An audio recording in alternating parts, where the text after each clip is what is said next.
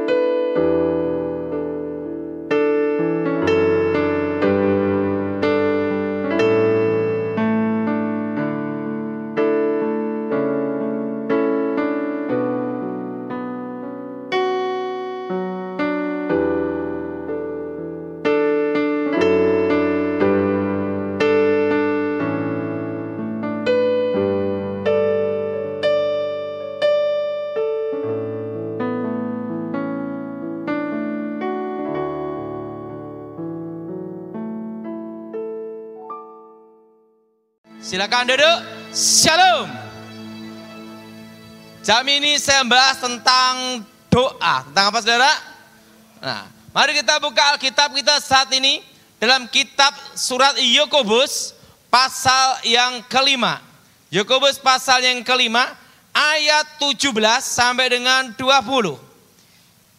Kitab Yakobus pasal 5 ayat 17 sampai dengan 20. Elia adalah manusia biasa sama seperti kita. Dan ia telah bersungguh-sungguh berdoa supaya hujan jangan turun. Dan hujan pun tidak turun di bumi selama tiga tahun dan enam bulan. Lalu ia berdoa pula dan langit menurunkan hujan. Dan bumi pun mengeluarkan buahnya. Saudara-saudaraku, jika ada di antara kamu yang nyimpang dari kebenaran, dan ada sering yang membuat dia berbalik. Ketahuilah bahwa barang siapa membuat orang berdosa berbalik dari jalan yang sesat, ia akan menyelamatkan jiwa orang itu dari maut dan menutupi banyak dosa.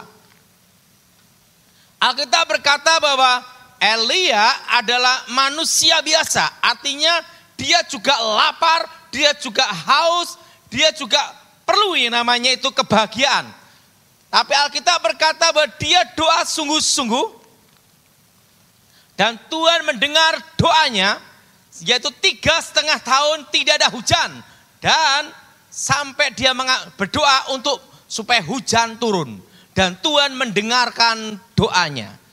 Doa yang dijawab Tuhan adalah yang pertama, doa yang bukan untuk ambisi atau doa untuk keinginan kedagingan, tetapi doa untuk kemuliaan Tuhan. Amin. Amin. Nah, Elia berdoa sungguh-sungguh untuk kemuliaan Tuhan supaya terjadi pertobatan atas Israel. Doa yang didengar Tuhan adalah doa yang mendatangkan mujizat adalah untuk kemuliaan Tuhan. Ingat daerah, doa untuk pertobatan, doa untuk menyatakan kemuliaan Tuhan adalah apa? Doa yang benar-benar bukan dari ambisi, keinginan hawa nafsu. Amin. Nah, saudara, contohnya gimana? Saya kebetulan saya punya ayah. Ayah saya itu saudara nakal. Judi, setelah itu main perempuan. Judi, main perempuan. Dia SD tidak lulus. Hidupnya hanya megang kartu Judi terus, hidupnya judi. Kalau miskin sama mama saya, kalau kaya sama perempuan lain. Dan mama saya, waktu dia bertobat, ingat saudara, mama saya itu menunggu papa saya bertobat tidak lama, cukup 20 tahun. Nah pada waktu mama saya bertobat, dia berdoa sungguh-sungguh minta pada Tuhan, Ingat saudara, doa yang dijawab Tuhan adalah doa yang bukan untuk ambisi keinginan manusia. Tetapi doa untuk kemuliaan Tuhan. Amin. Mama saya berdoa supaya papa saya bertobat dan melayani Tuhan. Semakin didoakan mama saya, bukannya papa saya bertobat, tambah kumat. Iblis menyerang kita dengan dua hal. Yang pertama adalah tekanan. Apa saudara? Dengan apa saudara? Dengan apa saudara? Tekanan. Dibikin stres, dibikin masalah, dibikin kecelakaan, dibikin problem, dibikin persoalan yang berat. Nah, ditekan dulu. Sampai stres. Setelah stres, stroke, stroke selesai. Makanya iblis itu menggoda pertama yaitu dengan tekanan. Kalau tekanan tidak berhasil, dia gunakan yang kedua. Yaitu apa? Dengan godaan. Godaannya apa? Berkat. Saudara, banyak orang jatuh ke dalam dosa bukan pada waktu miskin. Justru banyak orang jatuh dalam dosa justru pada waktu diberkati. Waktu diberkati, lupa sama Tuhan. Lupa siapa yang memberkati. Ujian seorang laki-laki itu pada waktu kaya nama terkenal. Kenapa? Karena ada kesempatan mata kedip-kedip. Tetapi ingat saudara, godaan perempuan itu apa? Pada waktu miskin. Masih setia ndak sama suaminya? Betul? Nah, kalau laki-laki selingkuh, rata-rata pada waktu pegang uang, kaya, terkenal. Kalau miskin, susah selingkuh. Duite sopo. Sing gelem sopo, kan gitu dah. Jelas saudara? Siapa yang setuju? Angkat tangan. Pelakunya. Ah, ingat. Makanya godaan laki-laki justru waktu terkenal. Hebat. Punya kesempatan. Punya uang. Jarang tukang becak selingkuh. Siapa yang mau gitu dah. Nah, tapi godaan seorang wanita yaitu kesetiaannya jadi kalau laki-laki diuji kesetiaannya waktu kaya, waktu terkenal, waktu hebat. Bukan waktu miskin. Tapi seorang perempuan diuji pada waktu ada badai, ada masalah, ada tantangan. Baru tahu itu istri yang setia atau tidak. Siapa yang setuju laki-laki angkat tangan. Takut semua. Nah ujian. Nah saudara Semakin didoakan mama saya, didoakan terus papa saya bertobat. Tambah parah, ingat, iblis menggoda dengan apa? Tekanan. Apa saudara? Malah mama saya dimaki-maki, dikatakan gara-gara kamu percaya Yesus. Setiap kali judi digeropiak polisi, setelah itu bubar, kacau semua. Gara-gara Yesus gondrong, ngomong gitu dah. Dia ngatain mama saya terus ditekan habis. Sampai mama saya diusir keluar, minggat. Ingat saudara, strategi iblis adalah dua. Pertama tekanan, kedua adalah godaan. Apa saudara? Apa saudara? Nah, pada waktu, tapi ingat, doa mama waktu itu apa? Tuhan, jama suamiku bertobat untuk melayani Tuhan. Ingat ya, doa yang dijawab Tuhan adalah doa untuk kemuliaan Tuhan, bukan keinginan ambisi manusia. Jelas saudara? Maka saudara doa yang benar. Ada doa yang tidak benar? Contohnya Simpson. Waktu dia jatuh dalam dosa, dia bertobat. Dia berkata apa? Tuhan cukup sekali ini saja. Aku membalaskan kedua mataku. Dan Tuhan jawab. Dia mati, roboh, bangunan hancur, dia mati. Coba dia ngomong ini, Tuhan kehendakmu yang jadi. Belum tentu dia mati hari itu, betul? Tapi kan dia udah terlanjur frustasi, stres. Makanya doa orang frustasi itu bahaya juga adalah. Tuhan cukup sekali ini saja. Engkau beri aku kekuatan. Tuhan jawab sekali itu saja. Dan setelah itu apa? Simpson mati. Nah itu doa orang frustasi. Nah mama saya berdoakan papa supaya bertobat, bertobat, bertobat dan melayani Tuhan. Jadi saudara istri-istri yang berdoa untuk suaminya, doanya itu. Zama bertobat untuk melayani itu Tuhan. Jelas saudara? Seperti Elia, dia berdoa supaya pertobatan atas Israel untuk melayani Tuhan. Kembali ke jalan Tuhan. Kalau suami supaya kembali ke jalan Tuhan. Dan apa yang terjadi? Waktu diduain mama saya, mama saya ditekan habis. Maki-maki, dikatain apa pun. Akhirnya mama saya disuruh keluar minggat. Waktu minggat, keluar rumah, tiba-tiba mama saya dapat suara Tuhan. Tuhan bicara apa? Laki-laki yang kelakuannya seperti keledai liar itu, aku datangi. Benar itu saudara. Kira-kira jam setengah tiga. Waktu setengah tiga, papa saya tidur ngorok gini. Ha, gitu. Tiba-tiba ada seorang tinggi besar. Ini papa saya kesaksian, malaikat Tuhan. Pegang itu kakinya papa saya. Hei laki-laki yang kelakuannya seperti keledai liar, bertobat engkau ke gereja. Dia kakinya gini. Dan laki-laki tinggi besar itu hilang. Papa saya kakinya pincang. Dipegang kakinya dah. Kakinya pincang, dia langsung nyari. Mana? Loh, katanya papa suruh minggat. Mama saya dicari, ketemu. Mi, ayo kita ke gereja. Pi ini bukan hari Minggu. Kenapa? Pokok ke gereja. Takut aku. Dia datang ke gereja, kakinya pincang, dia doanya apa? Hei laki-laki tinggi besar, aku sekarang sudah ke gereja.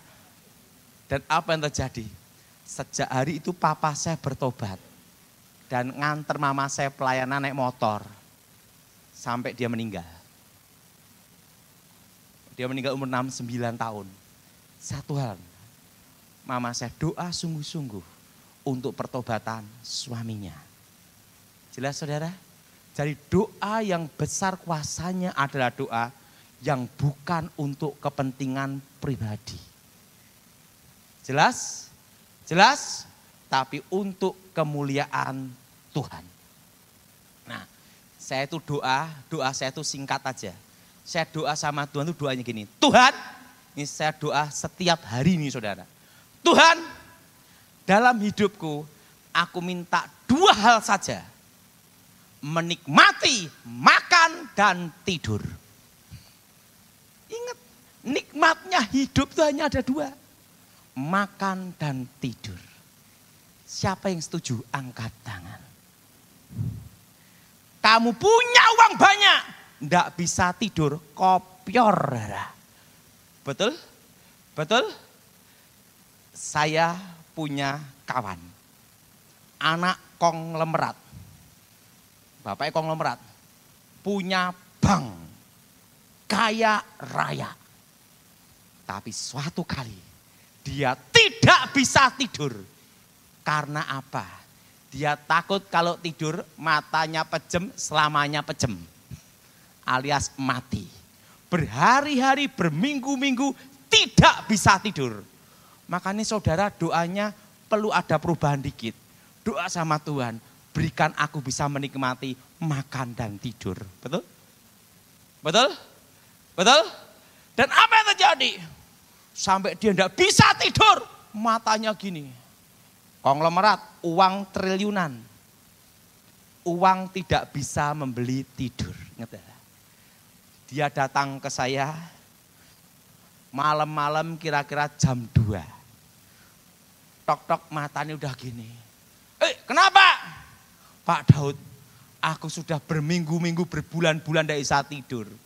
Saya ngomong, apakah uangmu bisa membeli tidur? Tidak bisa. Uang triliunan, tapi tidak bisa menikmati. Kenapa kamu? Saya kalau pejem, takut saya itu pejem selamanya. Kenapa? Duitnya akeh. Nah, apa yang terjadi? Waktu itu saya ngomong, udahlah, Tak lihat, oh ada setan yang mengganggu dia, ngikutin dia. Eh, ya ada setan yang ganggu kamu, tak doain sebentar. Saya doain dalam nama Yesus, setan keluar. Begitu setannya keluar, dia bisa tidur hidup sampai sekarang. Dia berkata, Pak Daud, orang sekaya apa pun, dia tidak bisa nikmati kalau dia tidak bisa tidur nyenyak. Siapa yang setuju? Angkat tangan. Betul? Betul? Betul? Makanya doa itu enggak usah neko-neko. Wis minta sama Tuhan itu aja. Menikmati makan dan tidur. Udah itu aja. Itu berkat. Itu kita pengkhotbah berkata. Biarlah aku menik. Apakah nikmatnya hidup? Hanya makan dan tidur. Ada juga saya punya teman orang gila. Yang ketemu orang gila. Suatu saya suatu kali saya ke Bali Waktu ke Bali sama teman saya. Ini kisah nyata. Di situ ada wine yang umurnya 100 tahun. Wine putih. Nah, saya punya teman juga orang gila. Dia ngomong, wine itu mau saya beli. Harganya satu miliar. Bayangin, satu, satu botol satu miliar wine putih umur 100 tahun. Mau dibeli teman saya. Saya ngomong, kamu gila. Tahu enggak? Kalau saudara pikir pasti yang punya satu botol itu dikasihkan. Kan gitu dah. Yang punya satu botol wine itu tidak kasihkan. Dia jawab dengan apa? Saya tidak jual berapapun tidak saya jual. Karena sebelum aku mati, ini wine terakhirku. Bayangin, dia ngomong, apa gunanya aku hidup kalau aku tidak bisa menikmati. Ingat cara makan dan tidur. Makanya saya doa setiap hari pagi doanya itu aja. Tuhan bila aku menikmati bagianku makan dan tidur. Nikmati makan juga ada. Saya punya kawan, uangnya triliunan. Dia punya kekayaannya 25 triliun. Ini triliunan, bukan miliar, triliun. Ini saya saksi hidup, saya ngeliat sendiri. Setiap hari dia telepon saya, ngomong sama saya. Pak Daud, dari dia itu ingin keluar negeri jalan-jalan. Dan dia ini ingin makan semuanya. Tapi dia tidak bisa makan semuanya. Karena dia ada sakit paru-paru dan dia pakai oksigen. Makannya terbatas. Saya lihat apa gunanya uang triliunan tapi tidak bisa menikmati makan. Betul? Betul? Ini uang triliunan dan apa yang terjadi? pada waktu mati. Tahun lalu meninggal dia, teman saya ini. Tidak bisa nikmatin juga.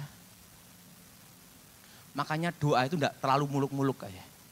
Doa ikut saya semua. Biarlah aku menikmati, apa saudara? Bagianku makan dan apa? Tidur. Itu nikmatnya hidup, saudara. Selama engkau bisa merasakan saya pernah doakan orang yang mati rasa lidahnya. Itu di Bandung. Dia ngomong gini, kalau ada yang bisa bikin lidah saya ngerasakan makanan, berapapun saya bayar. Karena apa? Setiap kali dia makan, tidak ada rasanya semua. Dan dia ngomong, apa gunanya aku kaya, tidak bisa merasakan makanan. Benar saudara? Makanya saudara, doa itu tidak perlu muluk-muluk kayak sastrawan ngoceh mata mana. Yang penting itu apa? Dengan hati kita untuk kemuliaan Tuhan. Yaitu saya doa sekarang setiap hari itu kalau di rumah pagi-pagi, Tuhan, dia aku menikmati bagian hidupku, makan dan tidur. Dah, itu aja. Karena orang tidak bisa tidur ya susah juga adalah. Dan doa yang dijawab Tuhan adalah untuk kemuliaan dan rencana Tuhan. Dan doa itu kalau suami istri harus sepakat. Suatu kali saya punya kawan polisi. Dia ini cita-citanya ingin punya anak. Sudah menikah 10 tahun. Tidak bisa punya anak. Saudara, dokter ngomong suruh tiup sampai niup, tiup, tiup, tiup, tiup, niup sendiri. Setelah itu suruh makan toge. Tahu toge? Tokolan itu udara. Katanya natur eh. Sampai dia setiap hari makan tokolan toge sampai muntah-muntah. Supaya apa? Supaya punya anak. Makan toge terus. Wah, sampai wajah kayak tokolan toge. Dia makan terus. Setelah itu dia diurut saya dipijet ke dokter mana pun. Tidak bisa. Saya ngomong sama dia, udahlah kamu kan udah usaha ingin punya anak. Saya ngomong sama istrinya, yang belum kalian lakukan satu. Minta sama Tuhan, tapi doanya untuk kemuliaan Tuhan. Doanya gimana Pak Daud? Doanya gini, Tuhan berikan aku anak untuk menjadi pelayan Tuhan, menjadi hamba Tuhan. Ingat, doa yang untuk kemuliaan Tuhan. Amin. Amin. Berikan aku anak untuk melayani Tuhan. Terusan karena dia itu sudah 10 tahun nyoba berkali-kali tidak punya anak. Dia doanya gini, Tuhan berikan aku anak cukup satu saja. Ingat hati-hati itu. Saudara. Berikan aku anak satu aja udah cukup. Dan tahun itu istrinya hamil sesuai doanya. Satu aja anak perempuan. Saya lihat dia ngomong, anak udah gede, dia ngomong sama saya, Pak Daud, ini kerja saya doa sungguh-sungguh 10 tahun. Saya ngelihat wajahnya dia, sampai wajahmu kayak toki tokolan. Satu hal saudara, ingat, doa yang dijawab Tuhan adalah doa yang bukan untuk ambisi. Amin. Bukan untuk kedagingan tetapi doa untuk kemuliaan Tuhan pasti akan dijawab Tuhan. Jelas? Jelas? Jelas? Nah, saudara, saya percaya apa pun sakit saudara, apa pun masalah saudara, kalau engkau doa yang benar sungguh-sungguh untuk kemuliaan Tuhan, untuk pertobatan, untuk pemulihan, mujizat pasti terjadi. Jadi saudara, doa itu harus perlu yang benar. Saudara kalau doa untuk jodoh, jangan yang ganteng. Jangan yang cantik. Tapi doanya apa? Tuhan berikan sesuai kehendakmu. Karena itu yang terbaik. Kenapa saya bisa ngomong demikian? Saya punya ibu angkat sama bapak angkat itu bapak angkat saya itu ganteng, tinggi, wow ganteng darah. Nah dia itu sukanya kan yang wanita cantik lah. Manusia normal minta wajin cantik. Termasuk Michael. Dulu Michael. Tidak mungkin Michael ingin milih yang gini. Kenapa? Bisa sariawan terus ya? Pastilah. Istrinya Michael cantik. Nah, apa yang terjadi? Dia berdoa. Kadang Tuhan memberi kita tidak seperti selera kita. Ingat tidak? Tetapi itu yang terbaik. Nah, Bapak angkat saya ini berdoa. Tuhan, aku ingin melayani Tuhan. Dia ingin membujang seumur hidup. Tapi Tuhan punya rencana lain. Tuhan tunjukkan, inilah jodohmu. Orangnya kurus, kering. Dia doa, ini bukan seleraku. Tidak sesuai keinginan. Kayak tiang listrik. Yang laki-laki berdoa. Waduh, kok modelnya kayak ngono? Nah, yang perempuan berdoa. Tuhan, jodohku siapa? Ditunjukkan, wah mujizat terjadi. hmm. Saya kasih tahu, doa itu belum tentu. Tuhan menjawab sesuai selera kita. Tetapi menjawab doa kita melebihi yang didoakan. Apa yang terjadi? Karena itu sesuai petunjuk Tuhan. Akhirnya menikah. Yang perempuan berkata bersyukur. Yang laki-laki terimalah kenyataan gitu. Apa yang terjadi? Ya udah, suami istri menikah. Begitu suami istri menikah, ayah angkat saya itu cerita ke saya, Daud, yang kurus kering ini membuat hidupku bahagia. Loh, ingat saudara, orang kalau menikah, ingat saudara, kalau sebelum menikah, cantik nomor satu. Tapi setelah menikah, bukan cantik, bisa diajak bicara dan saling ngerti. Betul enggak? Yang sudah menikah, yang setuju angkat tangan. Punya istri cantik, cerewet, stroke. Betul? Betul? Wah, ngalami dia. ya, itu saudara. Makanya saudara kalau doa, Tuhan kalau aku berikan jodoh, sesuai kehendakmu melayani engkau yang bertobat. Udah itu aja saudara. Tidak usah neko-neko. Saya doa setiap pagi saya doa. Saya doanya sekarang itu apa? Tuhan biarlah aku bisa menikmati makan dan tidur. Udah itu aja. Karena itu nikmatnya hidup hanya dua itu toh. Setuju? Engkau punya uang banyak. Tidak bisa makan gara-gara diabetes. Setiap hari makan kentang rebus. Sampai wajah di kentang rebus. Betul tidak? Tidak bisa nikmati hidup untuk apa? Betul? Betul? Saya mulai belajar hal itu. Makan nanti itu aja udah.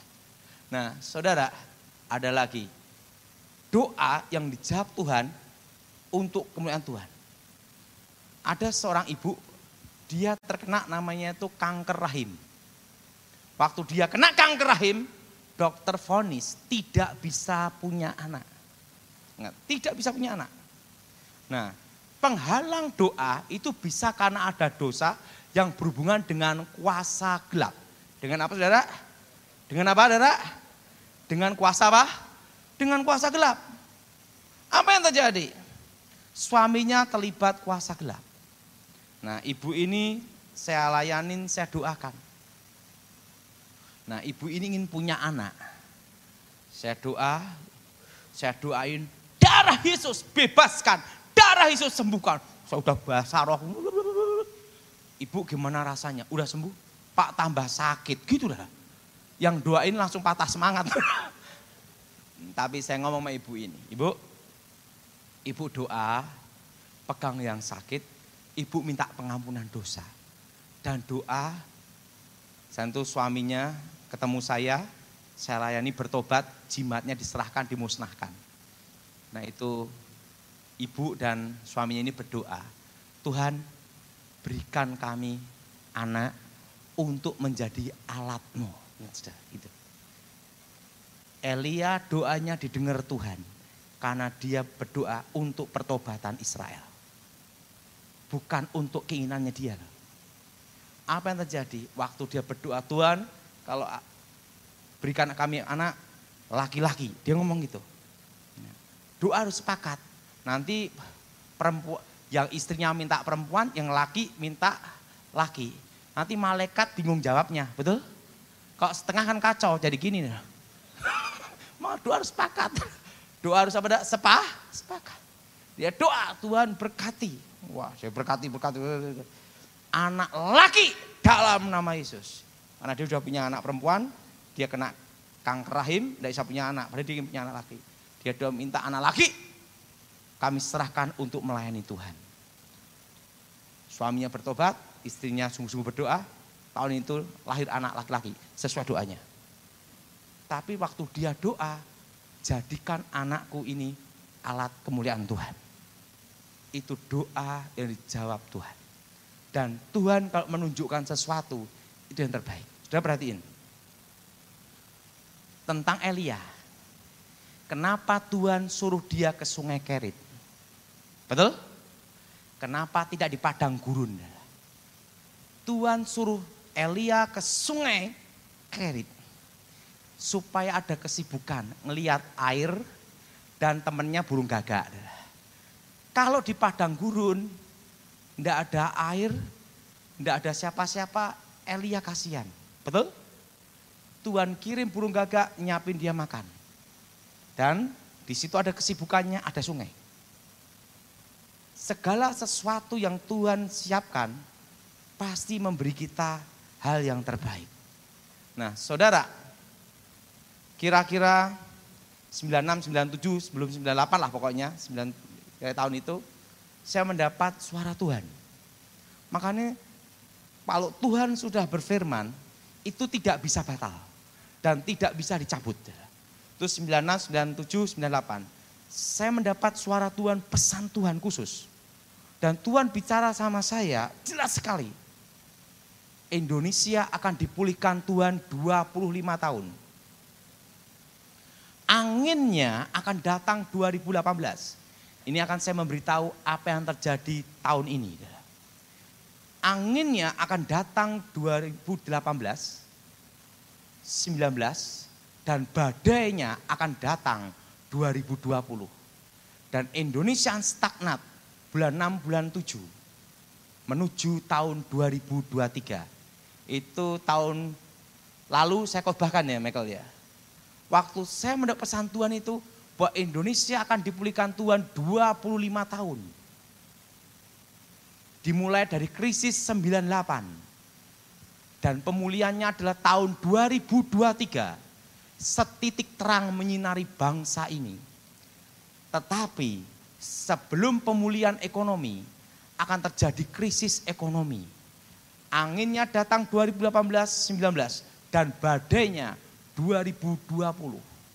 Dan bulan 6 bulan 7 tepatnya tahun 2020 stagnat ekonomi berhenti sampai 2023 Nah waktu itu saya tanya sama Tuhan, apa yang harus dilakukan? Pesan Tuhan itu saya sampaikan terus dari tahun 2014.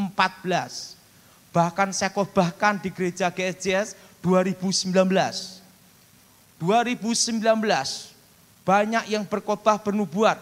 Tahun 2020 tahun berkat, tahun mujizat, tahun kemuliaan. Tapi 2019 saya berkhotbah.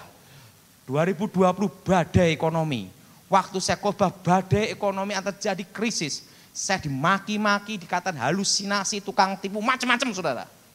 Dikritik habis-habisan. Tapi untungnya saya satu. Nah, saya tidak pernah masukkan diri saya ke akun YouTube. Yang upload rata-rata gereja-gereja termasuk Michael. Jadi saya tidak bisa diserang.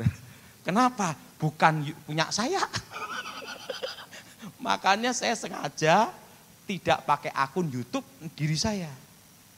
Orang nyerang saya susah. Kenapa? Kan tidak ada akunnya, YouTube-nya tidak ada.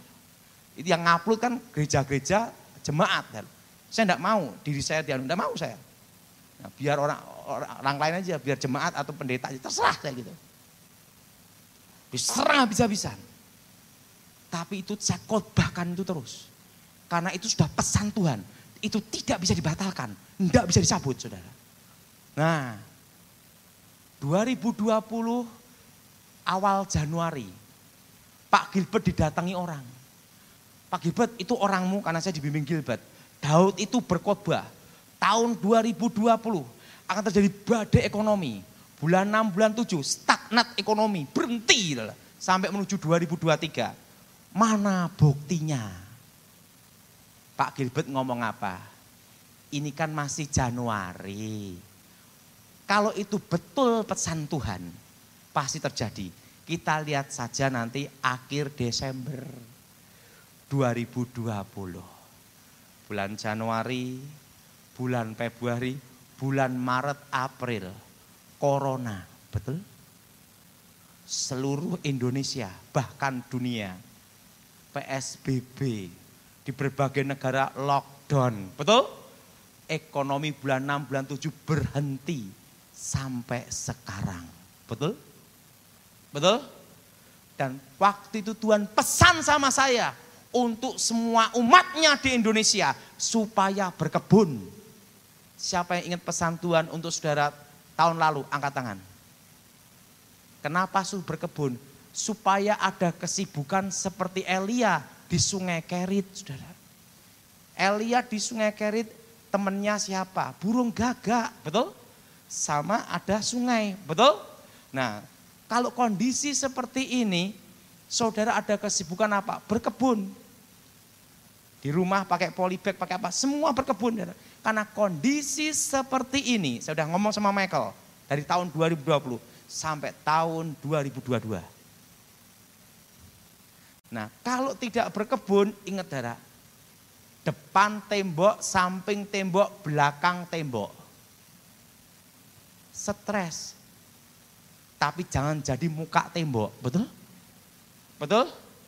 Tapi kalau saudara berkebun, ingat, manusia diciptakan Tuhan basic dasarnya apa? Berkebun, mengelola Taman Eden.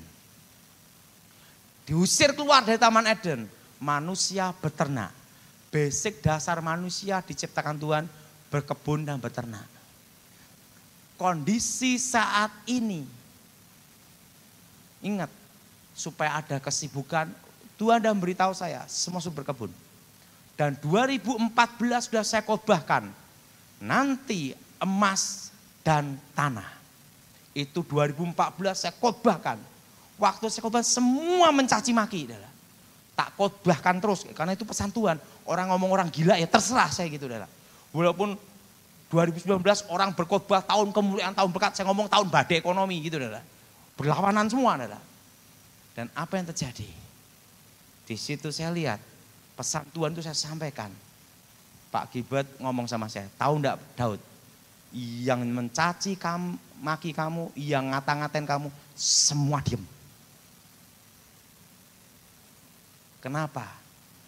Kalau Tuhan sudah berfirman, siapa yang sanggup batalkan? Jelas saudara? Jelas saudara? Nah, ingat tahun lalu saya berkhotbah. Nanti deflasi dan inflasi akan bertemu di bulan April tahun ini. Ingat, sekarang dele naik. Betul? Betul? Mungkin tempe bakal dikurangi. Betul?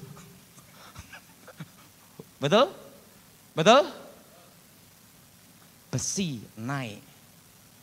Aluminium naik. Yang tidak naik harga diri.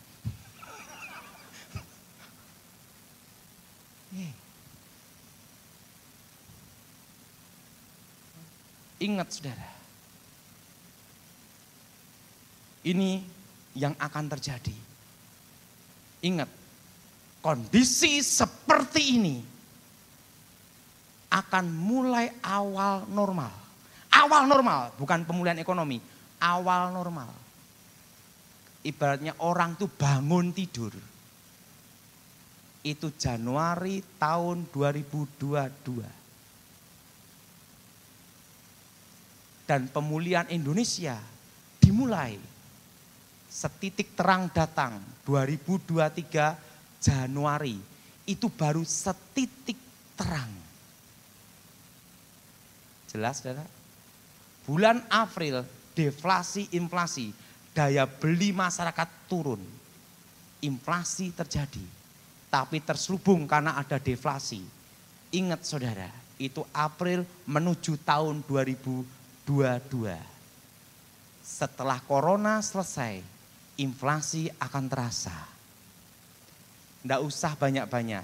Saudara punya uang 50 ribu, belanjakan di pasar, dapat apa?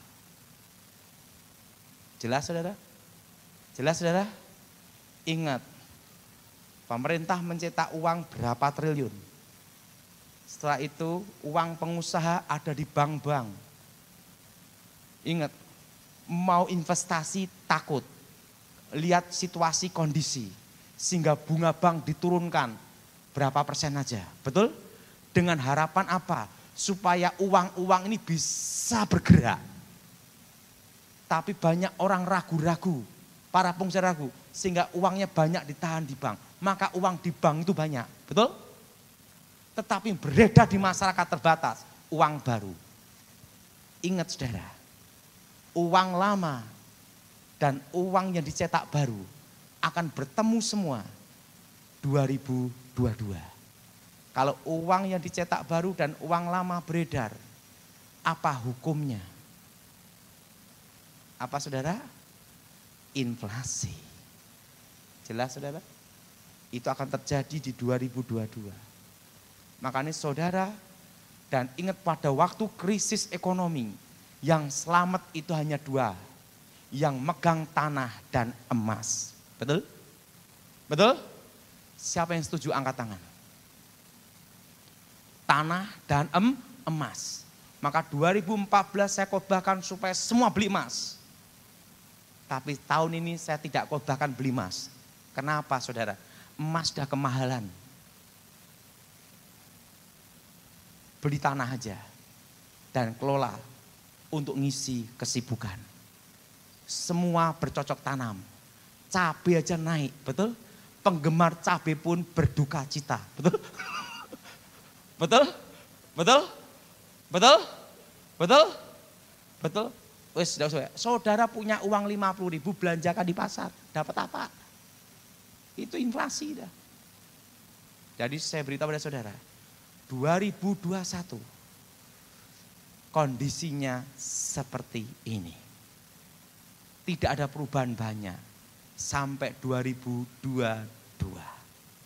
Tepatnya Januari baru orang mulai bangun tidur ibadatnya untuk memulai belajar normal. Belum normal 100% loh, belajar normal. Sekarang kan new normal. 2022 itu belajar nor normal. Dan saat ini orang demam dan batuk sakti. Bubar, betul? Jelas? Jelas?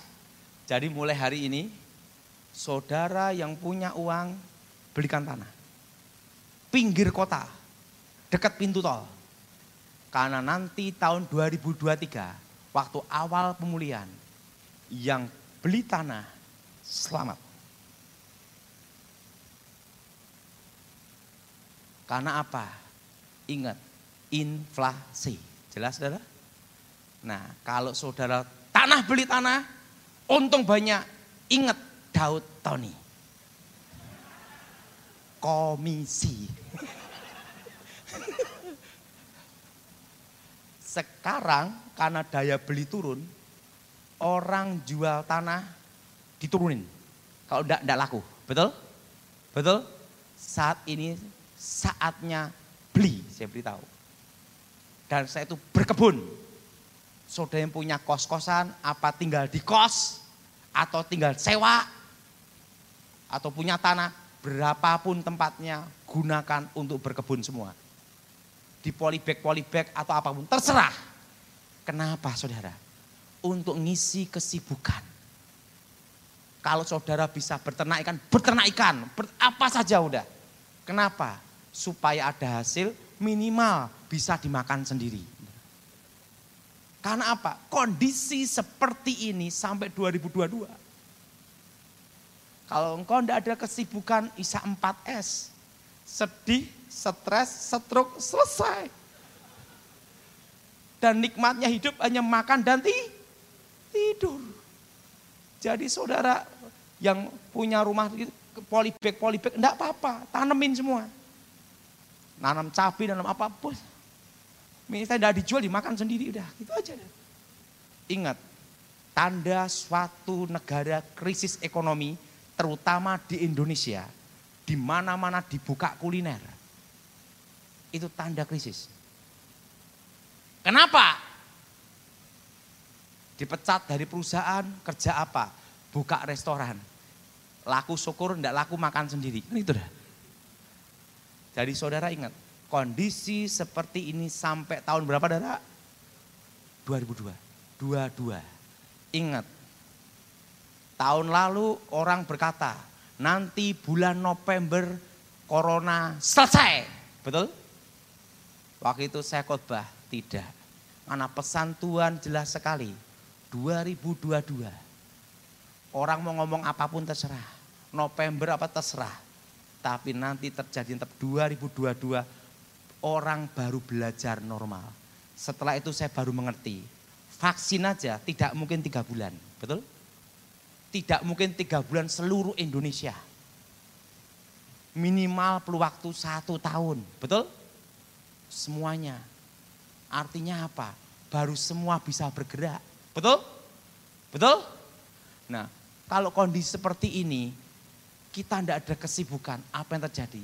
Elia aja dikasih kesibukan sama Tuhan loh. Kesibukannya apa? Lihat sungai, betul? Dan apa? Burung gak? Gagak. Makanya sejak tahun lalu Tuhan pesan saya supaya berkebun. Supaya umatnya ada kesibukan tidak stres, betul? Waktu saya doa sama Tuhan, Tuhan kenapa corona ini diizinkan terjadi? Jawaban Tuhan itu apa? Supaya Injil itu diberitakan seluruh dunia. Ingat, yang membatasi penginjilan, yang membuat perpecahan adalah tembok-tembok gereja dan doktrin-doktrin gereja. Gereja Katolik, Protestan, Karismatik ada dulu ini. Dan itu membuat kotak-kotak. Dan Tuhan tahun ini robohkan itu semua. Supaya Injil itu diberitakan. Karena syarat kedatangan Tuhan. Injil itu diberitakan seluruh dunia. Sekarang bayangkan, saya khotbah di sini, di Australia bisa lihat, betul? Betul? Kalau tidak karena corona, tidak ada seperti ini. Betul? Betul? Saudara, suatu kali tahun 95 Tuhan bicara sama saya ngomong gini. Jutaan manusia mendengar khotbahmu dan keempat penjuru mata angin Indonesia akan mendengar dan melihat engkau berkhotbah. Waktu tahun 95 saya berpikir itu tidak mungkin. Bagaimana jutaan? Bagaimana saya khotbah antar gereja sampai mati juga tidak bisa. Adalah. Waktu itu saya tidak ngerti apa itu suara Tuhan. Bahwa nanti jutaan manusia mendengar khotbahmu. Dan keempat penjuru mata angin akan mendengar melihat engkau berkhotbah. Saya tidak ngerti itu apa. Tapi saya setia melayani Tuhan. Setelah itu tahun 2020, 2021 saya lihat yang lihat saya khotbah itu 4 juta lebih. Dan apa yang terjadi? Waktu tahun 95 saya tidak kepikir bakal piye. Itu tempatnya GSJS ya Michael ya. Itu 4 juta ya. Yang nonton 4 juta lebih. Belum yang upload lain-lain itu berapa juta adalah. Tapi dari situ saya lihat. Supaya Injil itu diberitakan. Karena itu adalah syarat kedatangan Tuhan. Waktu saya doa, Tuhan kapan engkau datang? Tuhan bicara sama saya, bukan urusanmu. Gitu saudara. Jadi saudara, untuk kedatangan Tuhan tidak ada yang tahu. Ngomong sama saya, apalagi kamu. Makanya kalau ada orang ngomong, lembu merah toh, apa lembu buduk lah. Ingat saudara, tidak usah diributkan masalah lembu merah, lembu apa, lembu tidak usah diributkan. Tabut perjanjian tidak usah diributkan. Yang penting satu, kapapun Tuhan datang, kapapun kita dipanggil Tuhan, kita sudah siap. Amin. Dan ingat, hari ini doa, tidak usah terlalu muluk-muluk. Berkati aku, menikmati bagianku. Bisa makan sama apa? Tidur. Siapa yang setuju angkat tangan. Nah, itu aja. Dan kalau ada persoalan, doa Tuhan selesaikan persoalan ini, aku percaya menjadi alat kemuliaanmu. Amin. Dan ingat kondisi seperti ini sampai 2022. Jelas? Jelas? Tahun berapa, Dara? Nah, itu ibaratnya orang baru bangun tidur Artinya apa? Belajar normal.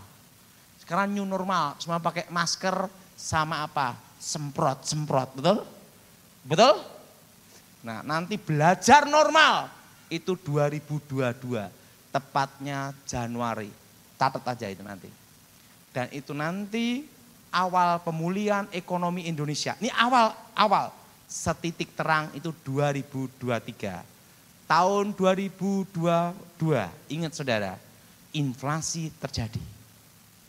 Kenapa? Uang yang beredar yang dicet, yang dicetak baru dan uang lama bertemu. Jelas saudara? Dan tahun ini, ingat saudara, bulan April deflasi, inflasi bertemu jadi satu. Tapi tahun depan inflasi inflasi berapa persen tidak dikasih tahu Tuhan. Tapi yang jelas Tuhan ngasih pesan saya satu. Semua suruh berkebun, beli tanah. Untuk ngisi apa dada? Kasih? Bukan. Itu pesan Tuhan dan saya sampaikan untuk saudara. Tepuk untuk Tuhan kita. Nah, mari kita berdoa dan ingat saudara, kita harus siap semuanya. Karena ingat Tuhan udah ngasih pesan untuk memelihara kita di tengah-tengah kesusahan. Amin. Dan saudara, Tapi Tuhan juga mau supaya kita tidak stres melihat kondisi seperti saat ini. Jelas saudara? Jadi engkau semua yang punya kebun, punya taman, punya tanah, kelola. Dan ingat kalau rumahnya kontrak atau sewa kos-kosan pakai polybag semua. Bertanam, beternak untuk ngisi kesibukan. Ingat, Elia pun di sungai Kerit ada kesibukan. Sungai dan burung gagak. Mari kita bangkit berdiri kita berdoa. Aku percaya kuasamu Tuhan melihat kami semua. Bebaskan kami dari yang jahat. Bebas dari kegelapan. Kuasa Yesus bekerja, kemuliaanmu Tuhan datang. Berkati firmanmu, berkati kami semua. Dan nama Elohim Yesus Elohim dimuliakan. Demi nama Yesus yang percatakan amin. Silahkan duduk.